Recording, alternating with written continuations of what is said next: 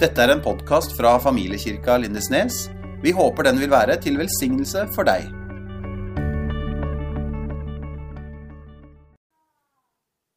Det er bare troen på Jesus som gjør deg rettferdig. Vi som galaterne vi må ikke begynne med nåde og så gå et, helt et løp i, i loviskhet og bud. Vi må leve et liv der vi sier 'Takk, Jesus, for at du er den som gjør meg i stand til å leve det kristne livet'. Takk, Jesus, for din tilgivelse. Takk for din veiledning. Takk for din forsørgelse. Takk for din nåde. Takk for at du hjelper meg i livet mitt. Takk for din velsignelse som er over mine liv, over våre liv. Og så står vi sånn her og tar imot. Det er ikke bare under frelsen. Det er hele veien. For vi kan leve et kristent liv som er litt sånn et forkledd liv. Der vi går og pent og pyntelig på møte. Vi har absolutt alt på stell.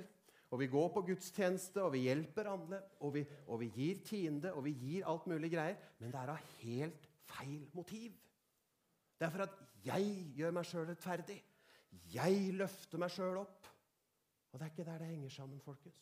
Jeg lever ikke lenge selv. Kristus lever i meg, sier Paulus. Det er ikke jeg som klarer å klatre opp stigen til å nå pappa Gud i himmelen og si 'Se så flink jeg er'.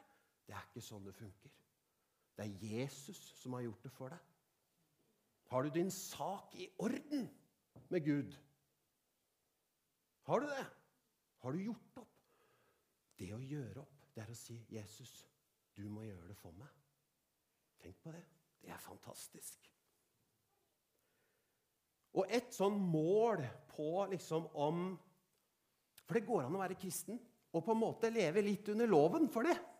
Og et mål, et sånt barometer du kan sjekke med deg sjøl eh, på det, det er Er jeg under krav, eller er jeg under nåde? Lever jeg et liv der jeg kjenner sånn Å, jeg må gjøre det. Å, jeg må gjøre Å, nei, jeg var ikke flink nok der. Å, nei. Å, jeg må bare skjerpe meg. Å, jeg må bare få strøket denne skjorta. Å, jeg må, jeg må gi mer. Jeg er ikke flink nok. Det går an å leve sånn. Som kristen. Da er du ikke under nåden. Da er du gått, i, gått deg vill som galaterne. Da er du i loviskhet. Mål deg sjøl. Hvor mye er det jeg lever under krav og en sånn tyngde? Og hvor mye er det jeg puster rolig? Og vet at det er Jesus som har gjort det. Det er ikke meg. Det er ikke jeg som skal gjøre det. Han er min helliggjørelse. Ikke jeg som klatrer stigen. Hvor mye krav og hvor mye fri pust er det i ditt liv? Nåden sier 'jeg har gjort det'. Nåden gir deg rettferdighet. Loven krever rettferdighet, men du klarer ikke gi det. Mål deg sjøl. Hvor mye er du under krav og strev?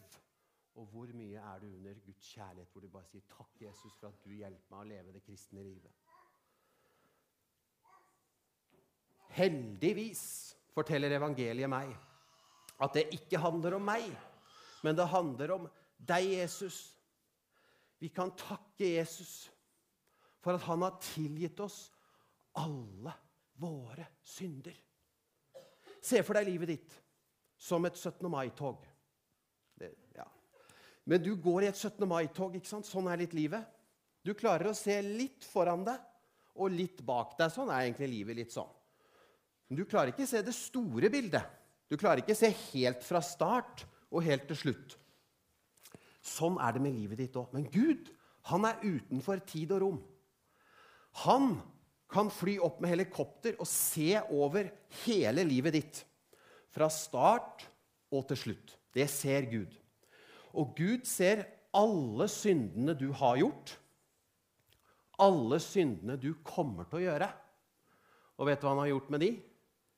Tilgitt dem. Alle sammen. Selv de syndene du ennå ikke har begått, er tilgitt. For Det gamle testamentet Snakk om loven.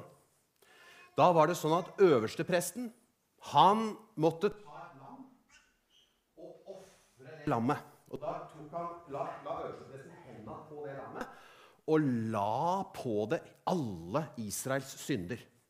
Det var, ikke, det var ikke noe spøk. Han la på alle Israels synder oppå det lammet. Så ofrer de det lammet, og da går hele Israels eh, slekt da fri ett år. Men de måtte gjøre det ett år til. da. Neste år igjen så måtte de finne et nytt lam og legge hendene på, og så ofre. Men så skjer det i hagen, Getsemanehagen. Der kommer øverstepresten når de tar Jesus. Og der legger øverstepresten hendene på Jesus i hagen. Og der legges alle synder for hele verden på Jesus. Og så ofres Jesus, Guds lam, én gang for alle. Og da er det ikke noe mer offer for synd. Jeg vet ikke om du går rundt og ofrer, men det kan vi gjøre litt. Det har jeg vært en ekspert på. Å, tilgi meg, å, tilgi meg. Å, unnskyld, Gud, at jeg Å, unnskyld meg. Å vandre i fordømmelse er for noen et slags offer. At man tenker at bare jeg pisker meg sjøl nok, så er det nok. Det er ikke nok. Det er gjort ett offer. En gang for alle alle dine synder er tilgitt fra nå og inn i evigheten. Det er evangeliet, Herre. Å, takk, Jesus. Og der, nemlig Når du innser all din synd er tilgitt, og at det ikke finnes noe fordømmelse for deg Det er hele hemmeligheten til å overvinne synd. Fordi at, Sånn som jeg har gjort mange ganger, og sikkert mange ganger, Dere har den der strenge stemmen. Har hørt den noen ganger? Å, du er så, sånn, Den der den der stemmen som snerrer inni huet ditt. Det er enten den onde eller deg sjøl og kjøttet som er stolt. Å, tenk at jeg kunne feile. Tenk at store, sterke kristne meg kunne gjøre en feil. Det er stolthet. Eller den onde. Hvordan kunne du? Den stemmen der, vi har alle hørt den. Men den stemmen der, kjære folkens, den hjelper deg ikke til å vinne over synd. Det er når du innser at du er fullstendig tilgitt. Det er da du går fri. Da hopper hjertet av glede. Kvinnen står det om i Nytestamentet. Hun elsker mye, for hun har innsett at hun er tilgitt så mye. Nå skal du høre om hvordan Jesus deala med synd skal jeg lese fra Johannes kapittel 8. Nå skal vi høre hvordan Jesus istandsetter ei dame til å slutte å synde. Skal du høre. Jesus gikk ut til Oljeberget. Tidlig neste morgen kom han til tempelet igjen. Hele folkemengden samlet seg om ham, og han satte seg og begynte å undervise dem. Da kom de skriftlærde og fariseerne med en kvinne som var grepet i ekteskapsbrudd. Altså Hvis noen har grunn til å fordømme seg sjøl, så er det i hvert fall hun. De førte henne fram og sa, 'Mester, hm, denne kvinnen er grepet på fersk gjerning i ekteskapsbrudd.' I loven har Moses påbudt oss å steine slike kvinner. Men hva sier du? Dette sa de for å sette ham på prøve de noe, så de kunne få noe å anklage ham for. Jesus bøyde seg ned og skrev på jorden med fingeren. Men da de fortsatte å spørre, rettet han seg opp og sa, mm, 'Den av dere som er uten synd, kan kaste den første steinen. Vær så god.' Og så bøyde han seg ned og skrev på jorden. Da de hørte dette, gikk de bort, én etter én. De eldste først, for de var kanskje de klokeste. Oi, her er det ingen som ikke har syndet, nei. Til slutt var Jesus alene igjen, og kvinnen sto foran ham. Da rettet han seg opp og spurte, 'Kvinne, hvor er De?' 'Har ingen fordømt deg?' Så svarer hun, 'Nei, Herre.' Ingen. Da sa Jesus, 'Heller ikke jeg fordømmer deg.' Gå av sted, og synd ikke mer fra nå av. Hører du rekkefølgen? Det første Jesus sier, er Heller ikke jeg fordømmer deg. Jesus sier at ingen fordømmer henne. Selv ikke Messias, selv ikke Guds sønn, kommer med fordømmelsen. Og så sier han, 'Gå av sted og synd ikke mer'. For det er nemlig når du er fri fra fordømmelse, at der ligger kraften til å ikke synde. Det er ikke sånn at Jesus sier 'gå av sted og gjør som du vil' og synd og herje på Han sier ikke det. Han sier 'jeg fordømmer deg ikke'. Det fins ikke fordømmelse. Det er kraften for at hun da sendes av gårde til å ikke synde mer. Kraften til å overvinne synd ligger i å innse at det ikke er fordømmelse for deg. Heller ikke jeg fordømmer deg, sier Jesus til deg, til deg i dag. Du som tenker på en eller annen synd du har gjort, eller tenker på det du ikke får til, eller 'Å, jeg er så dum som gjør sånn alltid', og 'jeg klarer ikke'. Heller ikke jeg fordømmer deg, sier Jesus til deg i dag. Gå av sted. Prøv på nytt, sier han. Opp igjen, sier han. Det er nesten som sånn skiskole. Når barna detter, vet du, så sier Jesus, 'Opp igjen'. Jeg fordømmer deg ikke. Det er bare, bare kjærlighet i blikket til Jesus. Når du har begått en synd, så hjelper det deg ingenting å hamre løs på deg sjøl med den fordømmende stemmen. Det vil faktisk gjøre at du øker sjansen for å synde mer. Når du begår en synd, vet du hva du skal gjøre da?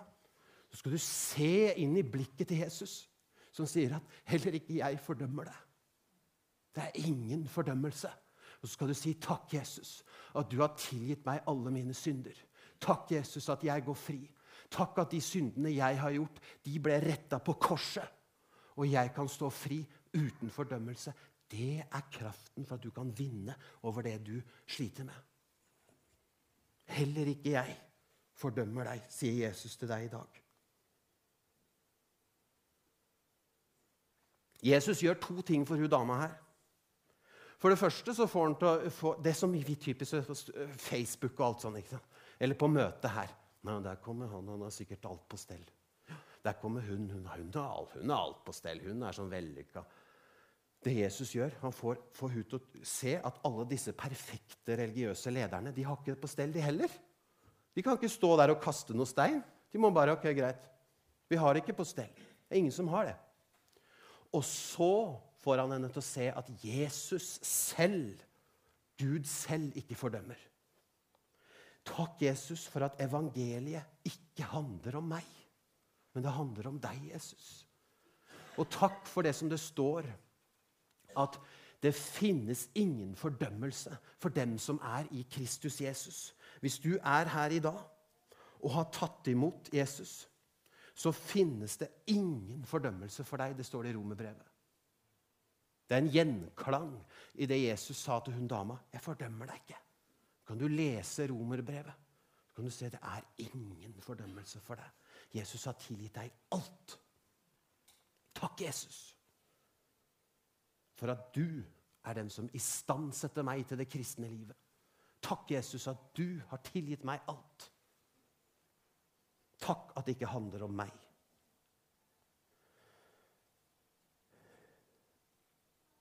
Hvis du har vært kristen en stund, så har du sikkert etter hvert skjønt at det kristne livet det handler om å elske Gud og elske andre. Og deg sjøl. Det er bra. Fantastisk. Men så mye annet som i utgangspunktet er fantastisk, kan bli feil. Disiplene du, var nært på Jesus hele tida, så de sa, 'Hvem er størst? Hvem er best?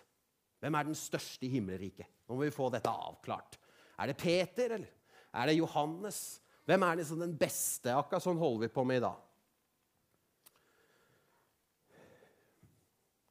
Da sier Jesus, 'Bli som et barn'. La deg sjøl bli elska. For vi kan gjøre alt til en prestasjon. Selv det at Gud sier at det handler om å elske meg, så går vi rundt Ja, hvem er den beste da, til å elske Gud? Er jeg den beste til å elske Gud her? Hvem er den beste kristne? Å, det må være meg. vet du. Jeg elsker Gud så hardt, med all min kraft.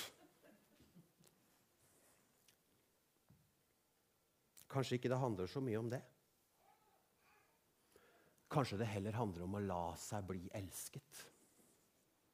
I 1. Johannes brev Johannes han har skjønt mye av Guds kjærlighet. Hvis du, hvis du er ute etter Guds kjærlighet, les alt Johannes har skrevet. Det er jo han, Johannes første brev, kapittel 2, vers 15-16.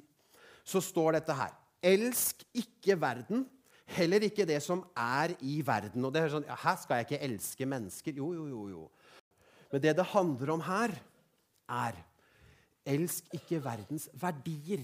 For det står videre Den som elsker verden, har ikke kjærligheten til far i seg. Det er nøkkel, altså. For alt som er i verden Her snakker vi om verdens verdisystem. Kroppens begjær Hvis du skru... Ja, du veit hva det er. Kroppens begjær. Øynenes begjær. Det er sånn 'Å, jeg skulle ønske jeg var like bra som han.' og 'Jeg skulle ønske jeg hadde alt det.' 'Jeg skulle ønske jeg kunne bodd der.' og 'Så dumt når jeg bor her.' Og alt det der at du liksom begjærer noen andre og skryter av alt den eier. Jeg vet ikke om noen gjør det åpenlyst, men vi gjør det kanskje inni oss. Eh, det er ikke av far, står det. Alt det der skrytet vi driver med, det er ikke av far, men av verden. Men hør på diagnosen Nei, ikke diagnosen, men hør på uh, Hva heter det Hva heter det når du får sånne, Kenneth, på Du skal skrive ut Resepten her. Resepten her til liksom hvis du er fullt av begjær. Medisinen er dette her. Den som elsker verden, har ikke kjærligheten til far i seg. Oi. Kanskje man tro, hvis du er fylt med fars kjærlighet, hvis du er full av Guds kjærlighet, kanskje ikke det er så mye igjen da til kroppens begjær, til øynenes begjær og til skrytet av alt du eier. De har ikke kjærligheten til far i seg. Hvor mye begjærer du om dagen? Hvor mye skryter du om dagen? Hvor mye ønsker du å hevde deg sjøl om dagen? Hmm. Hvor mye av fars kjærlighet har jeg i meg? For det kan ta kål på alt det der. Det er litt interessant å lese om Johannes. For Johannes han har jo skrevet Johannesevangeliet. Men han har skrevet det. Men det er interessant å lese når Johannes omtaler seg sjøl, så skriver han ikke Johannes. Han skriver 'disippelen som Jesus hadde kjær'. Det skriver han om seg sjøl. Disippelen som Jesus hadde kjær, sa da til Peter. Det han skriver om seg sjøl. Så sånn omtaler Johannes seg sjøl. Og han viser her at han har skjønt noe veldig, veldig viktig. En nøkkel. For han, ikke, han sier ikke 'disippelen som var så innmari god på å elske Jesus'. Han sier 'disippelen som Jesus elsket'. Det var hans identitet. Flere ganger. Det er sånn han skriver om seg sjøl. Og det er jo ikke sånn at Jesus ikke elska noen andre enn Johannes. Men det hadde han skjønt i hjertet sitt. Han hadde skjønt at Jesus elska han. Så han skrev 'Det er meg'. Jeg er han som Jesus elsker så høyt. Det ble hans identitet. Han kunne jo vært sånn at han sagt disippelen som Jesus hadde kjær, og den andre disippelen som Jesus hadde kjær. Men han, var, han hadde bare liksom åh, jeg er han som Jesus elsker. Peter derimot, han hadde en litt annen tilnærming. Han sa til Jesus, 'Dø, Jesus, Og så Nå, hvis alle andre svikter Han fyren her, han kommer aldri til å svikte deg.' Hæ? Sant? Jeg, er han, jeg har åndelige muskler Hæ? Jeg er god på å elske deg, Jesus. Åssen gikk det? Eller sånn Åssen syns han det gikk? Han svikta totalt. For han stolte på sine egne evner til å elske Jesus. Det er, det er ingen god satsing, eh, akkurat det. Heldigvis så handler evangeliet ikke så mye om hvor mye jeg klarer å elske Gud, men hvor mye jeg innser hvor elsket jeg er av Jesus. Kanskje det kan bli vår identitet òg. Morten, jeg er han som Jesus elsker. I 1. Johannes brev, kapittel 4, vers 19, så står det litt om Guds matematikk. Guds sin årsak-virkning. Ikke menneskets årsak-virkning, men Guds. Det står Vi elsker fordi Han elsket oss først. Dette er evangeliet. Vi elsker fordi Han elska oss først. Det var det Johannes hadde skjønt. Jeg er den disippelen som Jesus elsker. Og kanskje er det sånn i Guds matematikk. Jeg tror det. At jo mer du lar deg bli elsket av Gud, jo mer klarer du å elske Gud tilbake. Jo mer du lar deg bli elsket av Gud, jo bedre blir du på å elske andre. Jo mer du lar deg bli elsket av Gud, jo bedre er du på å elske deg sjøl. Jo mer du ser deg sjøl fra det blikket som Far i himmelen har på deg, jo bedre ser du deg sjøl. Og jo bedre ser du andre, og jo bedre ser du Gud.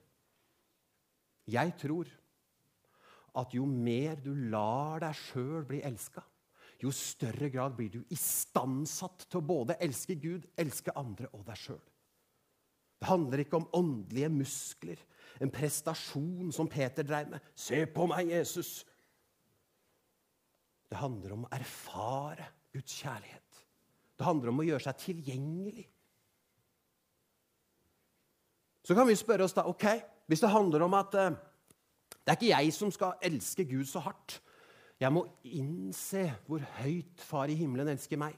Så kan vi spørre ja, hvor høyt elsker Far i himmelen deg? Det er jo det er et godt spørsmål. Da skal jeg lese fra Johannes evangeliet, kapittel 17, vers 23. Det er jo Jesus sin bønn til, for disiplene og til Faderen rett før han skal uh, på korset. Jesus sier 'jeg i dem'. Det betyr at han sier at Jesus er i oss. Du i meg. Da sier han at far er i Jesus. Og så sier han til oss dette her. Så de helt og fullt kan være ett. Og så hører vi han sier nå. Da skal verden skjønne at du har sendt meg, og at du Her kommer det. Du, Far i himmelen, elsker dem, det er oss, slik du har elsket meg. Her står dette her, folkens, at Far i himmelen elsker deg like høyt som han elsker Jesus. Så høyt elsker han deg. Det står du, far, elsker dem. Det betyr alle oss som sitter her. Du, far, elsker dem slik du har elsket meg. Far i himmelen elsker deg like høyt som han elsker Jesus. Det å sette seg tilbake og la seg sjøl bli elska, det er litt vanskelig. Men hvis vi våger, så kan vi se opp på en far i himmelen som elsker oss like høyt som han elsker Jesus. Og den kjærligheten istandsetter deg til å elske Gud høyere, elske andre høyere, og til slutt deg sjøl. Takk, Jesus, at evangeliet ikke handler så mye om meg, men det handler om hvor mye jeg innser at Gud elsker meg. Det er nesten for godt til å være sant. Og det beste er at det er sant. Hvis du er her i dag og ikke ennå har tatt imot Jesus, hvis du er her i dag og har et uavklart forhold til Jesus, dette er dagen til å ta imot. Da skal du komme fram, så skal vi be for deg. Det er det beste, det aller, aller viktigste valget som du gjør. Da skal du komme fram, og så skal vi be. Og så skal det bli en fantastisk dag for deg. Dette er sant, dette vi snakker om nå. Vi kan si, Er det for godt å være sant at Gud har tilgitt meg alle mine synder? Det er sant. Det er for godt å være sant at det ikke lenger handler om krav. Du skal, du skal. Nei, det handler om å ta imot Guds nåde. Og Han istandsetter oss til det kristne livet. Er det for godt å være sant? Det er sant. Tenk at det handler om å la seg bli elsket. Det er sant. Det er hovedtemaet i evangeliet. Det handler ikke så mye om oss. Det handler om Jesus, som har gjort alt.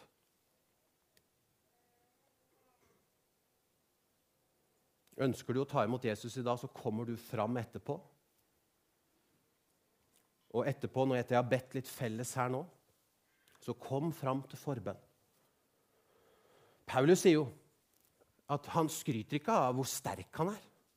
Nei, han skryter av sine svakheter. Vi må ikke bli sånn som skryter som Peter. Vi må ta imot som Johannes. Så hvis du trenger å ta imot, det kan være hva enn det er, så kommer du fram her, skal vi be for deg. Tusen takk for at du hørte på vår podkast. Følg oss gjerne på vår Facebook-side Familiekirka Lindesnes.